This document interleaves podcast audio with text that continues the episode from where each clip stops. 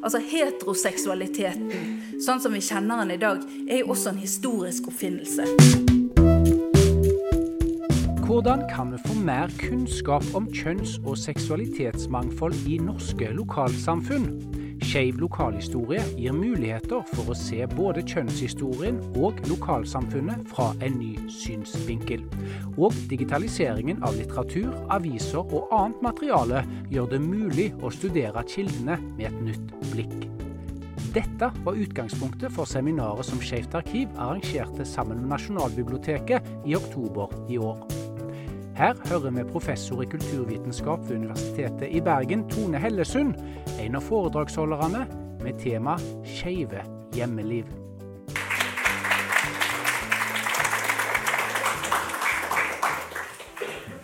Først så kan vi spørre hvorfor skeiv historie i det hele tatt.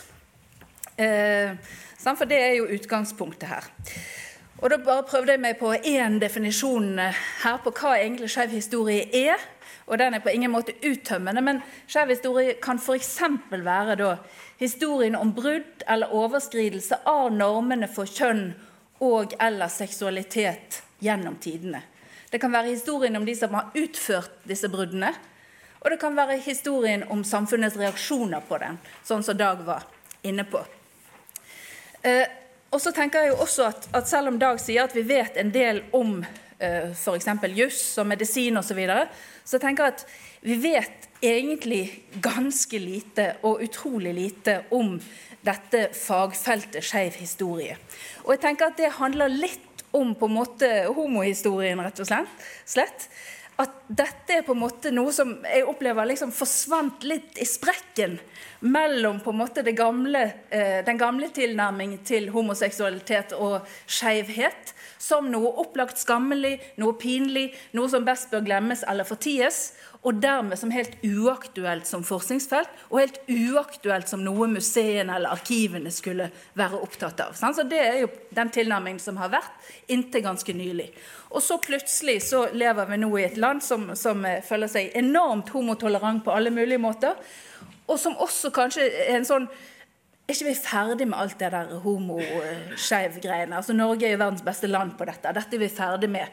Og En sånn illustrerende hendelse var når Runar Joroen fra Skeivt arkiv fikk en e-post fra en professor på et norsk universitet som hadde en student som hadde litt lyst til å skrive noe skeiv historie, men professoren trodde at alt var skrevet på dette feltet, men ville bare sjekke med Runar fra før. Nei, for sikkerhets skyld. Og da er det Nei. det er nesten et helt blankt kart. Så på en måte så er det, det er helt forferdelig at det er gjort så lite på dette, at vi vet så lite. Men samtidig, her er også mulighetene åpne. Det fins noen få røde flekker på dette kartet, men stort sett så er det helt blankt. Eh, alt dette må fylles ut av ny forskning på eh, skeiv historie. Fordi at skeiv historie er selvfølgelig en selvsagt del av den norske kulturhistorien. Det handler om hverdagsliv, bygdeliv, byliv, nord og sør, øst og vest, overklasse og underklasse, kvinner og menn, minoritetsbefolkning og majoritetsbefolkning. Alle historiske perioder.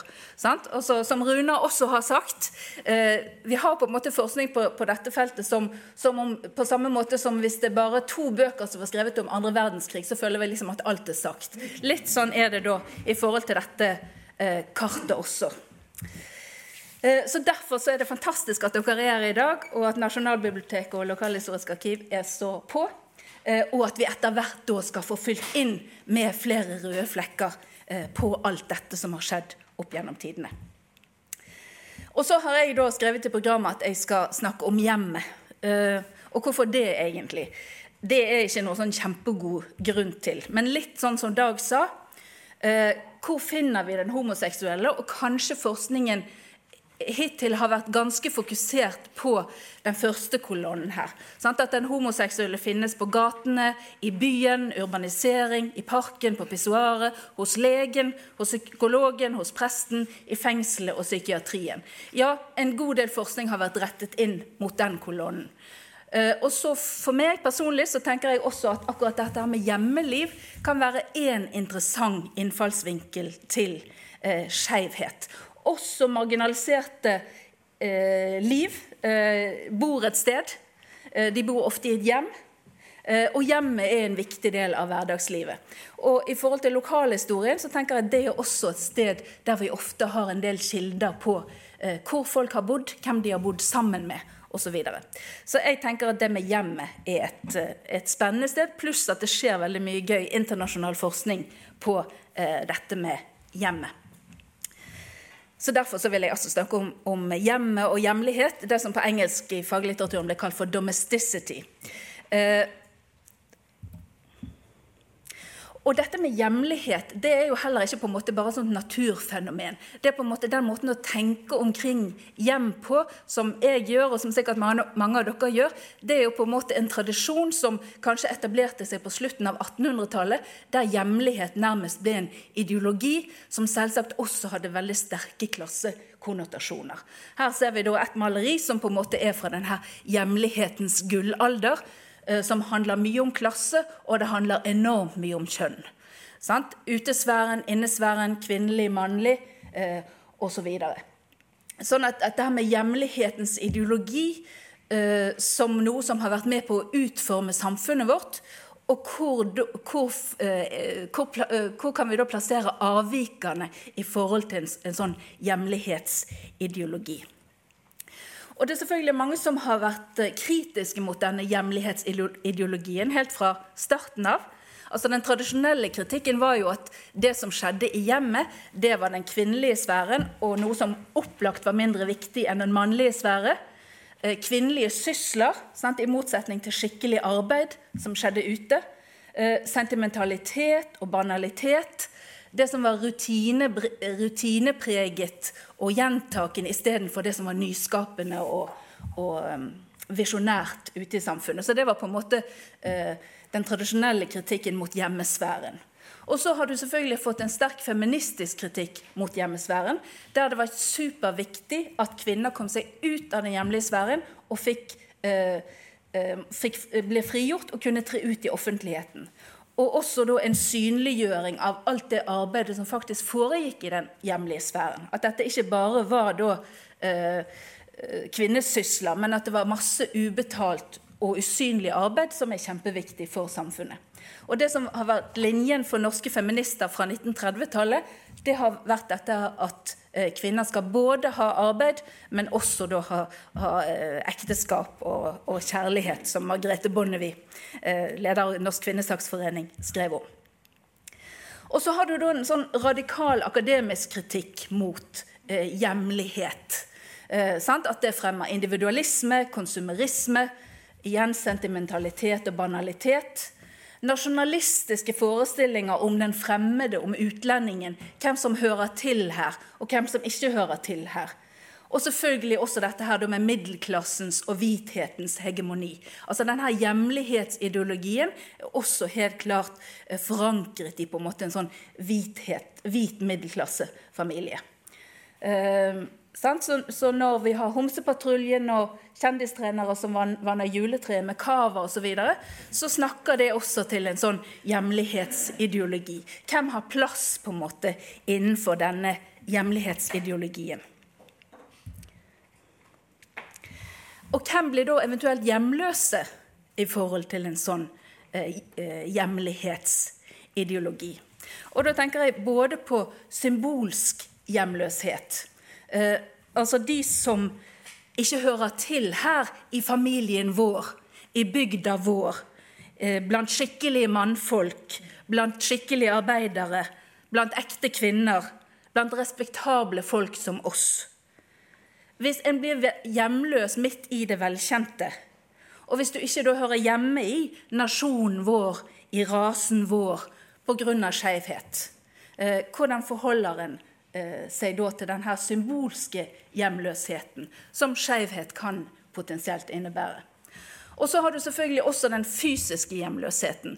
For hvis på en måte eh, domesticity og hjemlighet skal, skal, være et forskningsfelt, så er det klart at en også må forholde seg til de ulike typene hjem og de ulike typene boforhold. Eh, Altså, det finnes også mange som bor utenfor dette borgerlige hjemmet. Utenfor denne borgerlige ideologien. Og Opp gjennom historien så har det eksistert mange sånne boformer. Pensjonater, studenthjem, leiderom, gutterom, pikerom, hybler. Små leiligheter med voksne, hjemmeboende eh, barn. Delte senger. Jeg er så opptatt av Eilert Sundt for, tiden, og han skriver jo bare om hvordan eh, folk sover og bor i stallen, i fjøset. Eh, og vi har fengsler, oppdragelsesanstalter, utelegging, sykehus, pleiehjem. Dette er også en del av den skeive historien, helt sikkert. Og jeg har noen bilder fra den type boforhold. Ebenezer redningshjem for, for uh, kvinner. Studenthybel. Et herberge. En fange i botsfengselet. Et pensjonat. altså Tenk pensjonathistorien. Noen må skrive den norske pensjonathistorien. Tenk alt det gøye som har skjedd der. Eh, man kunne også skape seg hjem. Sant? altså Man har skapt seg hjem utenfor dette fysiske hjemmet. Da. Eh, og det har vi jo mange eksempler fra, fra den, skeive bevegelseshistorien. Men her er også et sånt eksempel som, på kanskje et sånt hjem utenfor hjemmet. Kristiania, Les, Kristiania leseforening for kvinner. Eh, og jeg vil altså vende tilbake, som sikkert noen av dere har hørt meg snakke om før, men som jeg fremdeles er begeistret for. Og så nå har jeg sett på noe nytt materiale som jeg gjerne vil dele med dere. Så jeg vil altså, eh, dessverre for noen, men jeg vil tilbake igjen til mine elskede peppermøer. Eh, så peppermøen og hjemmet vil jeg snakke litt om nå. For peppermøen tenker jo jeg er en veldig skeiv figur i seg sjøl. Eh, både fordi at mange av eh, peppermøene i perioden fra 1880 og fremover levde i romantiske vennskap med andre kvinner og hadde det som sine viktigste nære relasjoner, men også fordi at Peppermøen i seg sjøl, som en kvinne som brøt med Eh, konvensjonene for kvinnelighet og gikk ut i arbeidslivet osv., i seg sjøl er en skeiv figur, uavhengig av hvem hun eventuelt hadde sex med eller ikke hadde sex med. Og Peppermøen på midten av 1800-tallet var jo denne figuren her. Altså, det var tante Pose fra Gabriel Scott sin roman og fra filmen som kom i 1940. Eh, som, og hvis dere husker den fortellingen, så noe som selvfølgelig ikke er fokuset i filmen eh, eller i boken, det er jo det at tante Pose var en av de kvinnene som ikke hadde noe hjem. Tante Pose ble sendt rundt fra bror til bror. Og som dere husker, en ganske uønsket pakke å få i posten. Eh, så hun ble sendt videre til neste bror når de ble lei av å ta vare på henne og forsørge henne for en periode. Hun var en av mange mange, mange kvinner fra middelklasse og borgerskap som ikke hadde mulighet til et eget hjem. Som ikke hadde mulighet til egen forsørgelse. Sånn at når det utover på slutten av 1800-tallet ble mulig for denne type kvinner å forsørge seg sjøl og skape sine egne liv utenfor dette opphavshjemmet, dette borgerlige opphavshjemmet som de kom fra, så var det en revolusjon for eh, disse kvinnene. Nå har det akkurat kommet en ny bok om Fredrikke Tønder Olsen, som jeg bare har tatt bilde av her. Men Fredrikke Tønder Olsen, som var en vellykket uh, forretningskvinne i Kristiania, hun uh, finner vi spor etter i mange kvinnesakstidsskrifter og ukeblader fra denne perioden. Og hun sier det sånn i et intervju. På den tiden var det alminnelig at de unge piker simpelthen ble tvunget til å gifte seg med den foreldrene bestemte. Alt dette diskuterte vi unge og fant ut at vi aldri i verden ville gifte oss. Men ut, ut. Vi ville selv tjene vårt brød og skape oss vår egen stilling. Årene gikk, alle vi unge kom ut. Av mine kamerater på den tiden, tid har ingen giftet seg. De har kjempet seg fram til gode og ansette stillinger og hyggelige egne hjem. Og dette er å kjempe seg fram til hyggelige egne hjem, det er altså noe enormt stort for den, denne generasjonen av kvinner. Uh, de av dere som ikke har sett 'Gentleman Jack', må rett hjem og se den serien etterpå. Men i den serien så er også da uh, hjem uh, og dette å skape seg sitt eget hjem et viktig element i denne serien om Anne Lister. Og I England så har The National Trust de har fokusert mye på skeiv historie de senere årene. Og de har nettopp da gått inn i denne type overklassehjem. Sant? Og viser da fram uh, all den skeive historien som finnes blant National Trust sine eiendommer. og de har guide på sine nettsider osv. til på en måte den skeive historien via hjemmet. Tips til norske museer eh, hvordan vi kan, eh, kan, gå inn i den skeive historien via de bygningene og de familiehistoriene som vi har representert der. Men jeg tenker da at eh, for Peppa Møne så handlet hjemmet delvis om normalisering. Det var mye snakk om ukvinneligheten til disse, disse peppermøene, og hvordan de var tredje kjønn, og hvordan de slett ikke passet inn på en måte i sin samtids kjønnsnormer. Så Noe av det handlet om normalisering, men det som jeg vil snakke om i dag, det er hjemmet som tilflukt. Eh, en eh, amerikansk forsker som jeg liker veldig godt, hun snakker om shelter writing. Eh, og dette med shelter og tilflukt tenker jeg også er ett potensielt element her. Og Derfor så vil jeg fortelle dere om dr. Agnes Mathilde Wergeland, som er den første kvinnen i Norge, tror vi, som eh, tok doktorgrad. Og Hun eh, var født i en tid der kvinner ikke hadde adgang til universitetene, så hun reiste til Tyskland for å få seg utdannelse der, og endte etter hvert opp med en doktorgrad fra Zürich i Sveits. Eh, og så emigrerte hun til USA, for hun kunne ikke få arbeid i Norge som akademisk kvinne. Eh, så det er hennes liv jeg vil eh, fortelle litt om. Eh, og Agnes Mathilde Wergeland, hun, hvis vi skulle brukt dagens termer, og det skal man aldri når man snakker om skeiv historie, men nå gjør jeg det likevel hun, I dagens termer så er hun en klassisk lesbisk seriemonogam kvinne. Så hun hadde en rekke forhold på de ulike stedene som hun bodde. Bl.a. i Tyskland hadde hun sitt, eh, eller det første forholdet som er eh, beskrevet i biografien om henne som ble skrevet i 1916. Og Det som er interessant eh, for noen av dere i fall, som ikke har hørt dette før, er jo at i 1916 så var det helt ok å skrive en biografi der man, der man, skrev om Agnes Mathilde Wergeland sine forhold til andre kvinner. For i 1916 var det før på en måte lesbiskhet som eh, kategori var kjent i befolkningen, og det var i alle fall lenge før den merkelappen ble knyttet til kvinner som Agnes Mathilde Wergeland. Tvert imot. Hennes nære, eh, fine vennskap med andre kvinner var på en måte et adelsmerke som viste hennes Eh, kulturelle, kulturelle nivå og fine sjel osv. Så videre. sånn at det var helt ok for Maren Michelet, som da skrev biografien i 1916, å skrive om disse forholdene. For det var på en måte utenfor en sånn eh, perversitetsregime som seinere kom.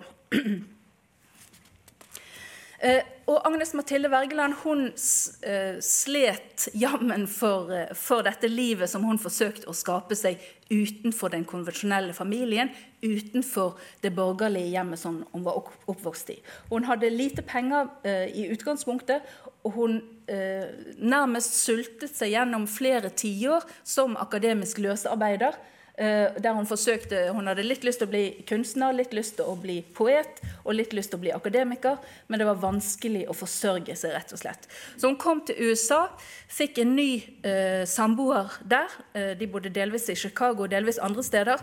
Og her skriver hun om en sommer de fikk låne villaen til et norsk-amerikansk ektepar.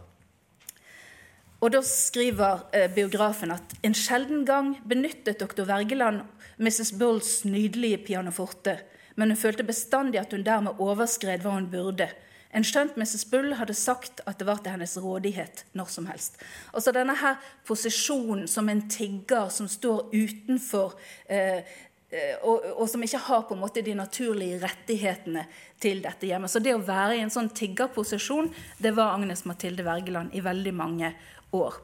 Eh, og Hun skriver her på slutten at dette å bo i dette, dette flotte huset Ved alt dette gledet doktor Wergeland seg uhyre, og hun talte ofte om den norske stue med peis, som hun en gang ville bygge seg når hun fikk et eget hjem.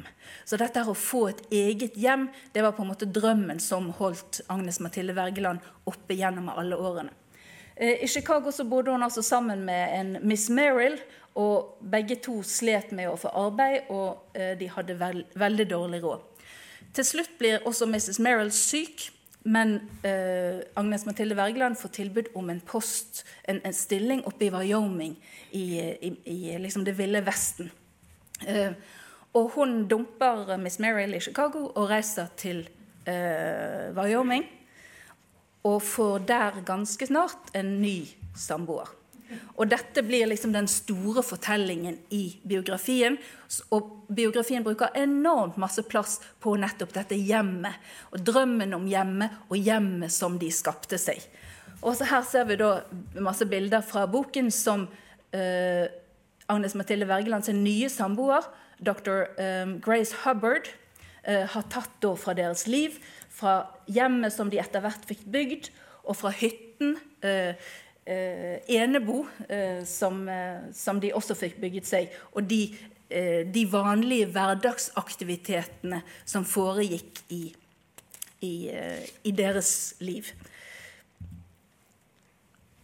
Og her skriver biografen igjen.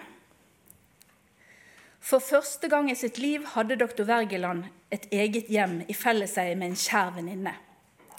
I ni år hadde hun og dr. Hubbard her et lykkelig hjemmeliv som var like så skjønt som dets vakre omgivelser. Her levde de med sine bøker, bilder, fugler og blomster. Her delte de med hverandre gleder og sorger, livets byrder og arbeidets triumfer.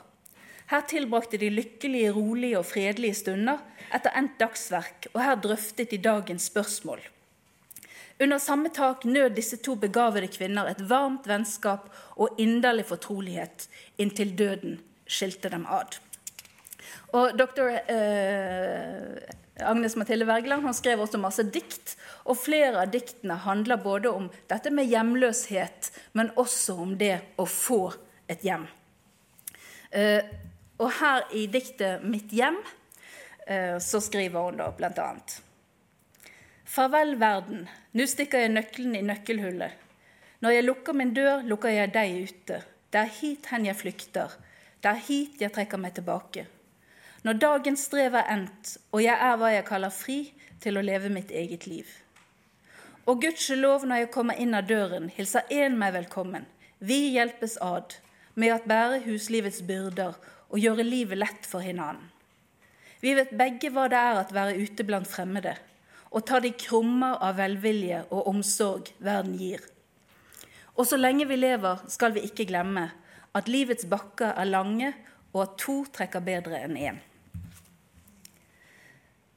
Da jeg reiste eh, ja, Et lite sånn innspill. Hun hadde et nervesammenbrudd noen, nervesammenbrudd noen år før hun skrev dette diktet. og Da eh, bega hun seg ut på en reise både til Europa og til Norge, før hun da vendte hjem til hjemmet eh, sammen med Grace Hebbard. Da jeg reiste, så jeg alltid dette rom for meg. Bildene på veggene bøkene, stolen, pianoet som jeg hadde vært for syk til å bruke, og den røde lampe med det varme skjær. Eh, der ute på Atlanterhavets kolde bølger, i England, i boardinghouset foran Warwick Castle, i London, i Norge, alle steder, så så jeg den lille røde lampe, og jeg lengtet mot den som jeg aldri lengtet mot noe, for der var fred. Så denne her drømmen om hjemmet og den her enorme takknemligheten for at hun faktisk hadde klart å skape seg et hjem, og også den voldsomme følelsen av hjemløshet etter alle de årene der hun på en måte ikke klarte å få et fotfeste eh, i tilværelsen. Eh, er noe som, som, biografen, eh, som, biografen, skriver mye om, og som jeg tenker at dette her med å undersøke hvordan folk har bodd, hvilke hjem de har skapt seg, hvilke muligheter til å skape seg et hjem de ulike gruppene i samfunnet har hatt, hvordan man har organisert det, eh, er noe som er eh, spennende å se på. Eh, og som Maren Michelet, altså biografen til Agnes Mathilde Wergeland, skriver om i, i, i, boken sin, så sier hun at dette diktet her Hele dette diktet gjennomstrømmes av en inderlig kjærlighet til hjemmet. Det var det kjæreste sted på jorden for henne. Det var som å kaste anker i en blid og vennlig havn etter å ha tumlet om i mange år på et stormfullt og opprørt hav.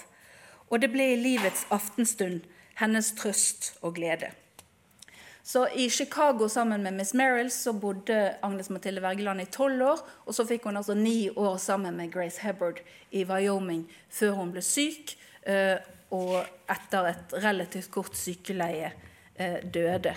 Eh, og dette sykeleiet også da eh, eh, skildret inngående i eh, boken til Maren Michelet. Og her, her, står det da i boken i sin kjære venninnes armer, eh, med et smil på leppene, vandret hun stille bort sigende. For uten deg hadde livet vært meg umulig. Og så ser dere da eh, gravstedet til eh, Hubbard Wergeland. Og her ligger Agnes Mathilde, og her ligger Grace, og her ligger søsteren til Grace. Eh, så, og det er også med, med, gravlegging i forhold til hvem som hører sammen i livet, og hvem som hører sammen i døden, er også noe som jeg tenker er interessant for lokalhistorikere å se nærmere på. Så som jeg sa i begynnelsen, all mulig forskning på eh, skeiv historie er velkommen. Men jeg syns at inngangen med domesticity er en av de interessante inngangene. Eh, og eh, som sagt, denne kunnskapen om hvem som bodde sammen, hvem som delte bord og seng, er noen av de opplysningene vi har tilgang til. Eh, og jeg har eh, dessverre feilberegnet tiden totalt. Eh, så jeg er ferdig nå, enda jeg har mye, god, mye, tid igjen, så vi er nødt til å forandre litt på programmet. Sorry, sorry, sorry. Eh, men jeg gleder meg veldig til å høre på innleggene som kommer seinere i dag. Og hvis det er noen som har spørsmål, så kan vi sikkert ta oss tid til det. Er det, bare spørre, er det mulig å få det Er det mulig å få de aller første om igjen, de der definisjonene dine?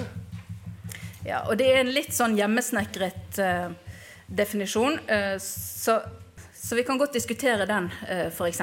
Um, historien om brudd eller overskridelse av normene for kjønn og seksualitet. Historien om de som har utført disse bruddene, historien om samfunnets reaksjoner på dem. Altså En mangel som jeg sjøl ser med den uh, definisjonen der, er f.eks. at det er på en måte skeivheten som står i fokus. Mens konstruksjonen av normalitet kanskje ikke står like mye i fokus. Altså Heteroseksualiteten, sånn som vi kjenner den i dag, er jo også en historisk oppfinnelse. Jeg har hevdet at heteroseksualiteten kom til Norge på 1920-tallet. Eh, det kan vi sikkert diskutere. Eh, men i alle fall, faller, det faller kanskje litt utenfor denne definisjonen her. Så det er ingen fullkommen definisjon, men det var den beste jeg kom på akkurat når jeg eh, skrev det der. Har du innspill på det sjøl, Svein? Er du uenig? Er det noen flere spørsmål? Du snakket jo om dette her med, med, med hjemmet. At det ble en greie opp mot eh, slutten av 1800-tallet. Eh, jeg har også lest at det samtidig også ca. da man begynte å snakke om eh, begrepet kjernefamilien. Mm. Eh, kan det også stemme at det er to sider av samme sak? holdt jeg på å si? Ja, helt enig. Altså, de, de går som hånd i hansker. Så den moderne kjernefamilien og på en måte denne hjemideologien de henger veldig tett, tett sammen. Sånn at, at, det er jo også noe med med disse peppermøene som før på en måte hadde vært Ja, de hadde ikke hatt mulighet til et eget hjem, men de var på en måte en del av et større familielandskap. Nå snevret jo også familien seg inn til å bli mer kjernefamilien, sånn som du snak, snakker om. Sånn at på en måte avvikene ble kanskje tydeligere enn før. Fordi at du plutselig ikke hadde så mye forskjellige tanter og besteforeldre osv. Som, som bodde sammen, men at det, det ble mer da kjernefamiliefokus på boformene. Så det tror jeg du har helt rett i. Eh, det var veldig interessant det du sa om at var, man kunne skrive så fritt om lesbiskhet på den tiden. altså på, Da denne biografien ble skrevet. Kan du ikke si litt mer om det? Og så lurte jeg på, fordi at Da hun ble begravet, så omtaler man henne som sin beste venninne. Man sier ikke sin kjære. Altså sin kjæreste eller sin Kan du si litt mer om det? Mm. Ja. Og, og det som du peker på, er jo at Eh, man kunne snakke fritt om dette fordi at det var definert utenfor den seksuelle sfæren. Eh, nå, nå eh, undersøkte jeg litt eh, eh, hun, eh, når hun det, det, er noen sånne begravelsessider i USA der denne gravplassen også er omtalt. og Da står Grace Hubbard omtalt som spouse, altså som ektefelle. Og det var hun selvfølgelig ikke. De var ikke gift på noen som helst måte. Så, så det er på en måte dette mellomrommet da, som, som eh, eksisterte mellom på en måte eh, disse perverse som skulle straffes med bål og brann, eller som kunne bli kalt for den nye merkelappen homoseksualitet, eller osv.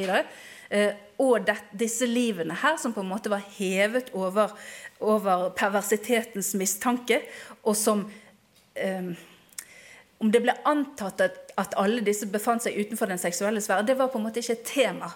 Altså, de var på en måte eh, man, man, tenkte ikke på seksualitet i forbindelse med denne type respektable kvinner. Eh, og seksualitet var også i veldig stor grad noe som man forbandt med, med menn og maskulinitet og mannlighet. Eh, sånn at som bl.a. Rune har skrevet om, man, man diskuterte i 1902 i Stortinget om man skulle innføre også straff for kvinnelig homoseksualitet, eh, så ble det da sagt fra Stortingets eh, talerstol at at uh, sex mellom kvinner det er en umulig ting. Så, så, det er både det på en måte at at fortellingen om homoseksualitet var en fortelling om noen helt andre individer enn dette her. Altså, Du kan jo se selv uh, på Agnes Ja, nå var det mange bilder her. Uh, sorry. Agnes Mathilde Wergeland. Altså, dette er ikke bildet av en homoseksuell slik man forestilte seg en homoseksuell. Disse kvinnene var på en måte tilhørte en helt annen verden. Uh, og de ville aldri brukt disse merkelappene om seg sjøl, uh, eh, så vidt vi vet. Uh, denne her Ann Lister-filmen som jeg refererte til, hennes dagbøker er jo fra begynnelsen av 1800-tallet. Og der får vi en kvinne som definerer seg definitivt som et seksuelt vesen. Uh, så vi har eksempler på det fra, fra, tidligere, men som regel så kommer vi langt ut på 1900-tallet før, uh, før, vi ser spor etter den type selvidentifikasjon. Uh, jeg intervjuet sjøl eh, eldre kvinner når jeg skrev doktorgrad om dette her for, for mange år siden. og Da intervjuet jeg kvinner i 80-årene som hadde levd ugift hele livet. Og de sa det at det er jo først nå, altså på 1990-tallet, at folk har begynt å tenke at kanskje jeg er lesbisk. Det har jo aldri vært noe å snakke om. Så, det er klart at denne type kvinner har på en måte levd utenfor en sånn type fortelling. Og, og, som sagt, dette med begrepsbruken. Altså, jeg vil aldri bruke begrepet lesbisk om disse kvinnene, fordi at de levde på en måte en tid før den merkelappen var tatt i bruk på dem, og de ville heller ikke identifisere seg på den måten sjøl. Men det er klart at det, det, det, som ligner mest på dagens liv, da, eh, det er lesbiske liv. Um, kan jeg bare spørre deg om uh, det, Vi har snakket før om Magdalene Nordmann.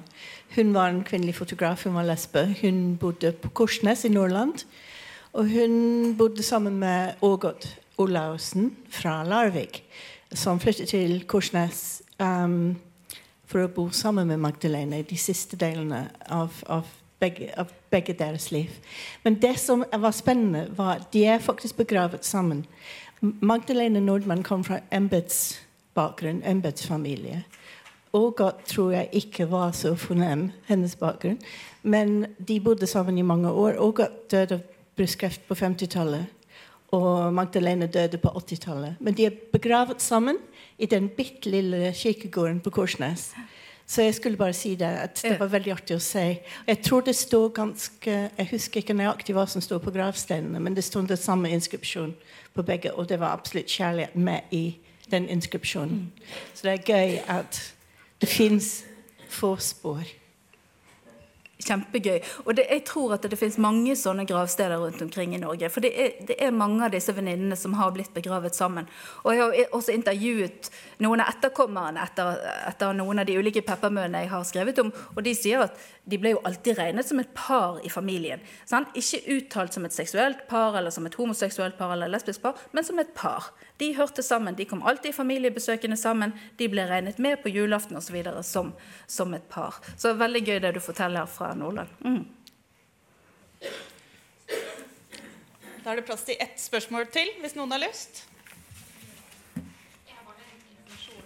Bare en informasjon til de som er interessert i den biografien eh, om eh, dr. Wergeland. Den er jo digitalisert eh, og ligger tilgjengelig i fulltekst her på Nasjonalbiblioteket. Og den er også lenket til på Skeivt arkiv sin artikkel om Agnes Mathilde Wergeland, som er lett å finne frem til. Dagens tips. Eh, ja. Jeg hadde bare et lite spørsmål når det gjaldt uh, hvor mange sånne kvinner uh, man kan uh, Altså hvor utbredt var denne typen måte å leve sammen på, og i hvilke yrkesgrupper for eksempel, var det vanlig? Jeg vet jo at du har skrevet en god del om dette. Så jeg bare tenkte, du, Kan du nevne noen flere, og litt mer om, om, om, om hvor mange slike husholdninger som fantes? Altså ikke sånn kvantitativt, men ja. Mm. Eh, det fantes mange sånne husholdninger. Eh, og noen av de er skrevet om før. altså eh, Kitty Kielland og Harriet Backer er jo et sånt kjent par som bodde sammen store deler av livet, men som antagelig ikke var et romantisk par. Veldig mange av lærerinneparene, sykepleierparene, barnehjemsbestyrerinneparene altså Kvinnene fra den type nye yrkesgrupper som nå åpner seg opp for kvinner, det var også romantiske par. Eh, sånn at, at du, har, eh, du, har, på en måte en, en eh, sammenfall mellom det moderne norske samfunnet, som åpnet opp nye yrkesmuligheter for kvinner. Det ga også mulighet til nye eh, kulturliv for kvinner. Så veldig mange av disse kvinneparene i Kristiania f.eks. Eh, de omgikkes stort sett andre kvinner. De studerte sammen, fant seg gjerne en samboer under studietiden på medisin eller på eh, realfag, som var de største kvinnefagene på den tiden. Eh, de traff gjerne samboeren sin allerede den gangen. Eh, de eh, utøvde yrkesliv kanskje sammen, og de gikk da i eh, kristelige kvinnelige lærerforening. Eh, de gikk i ulike kvinnekor.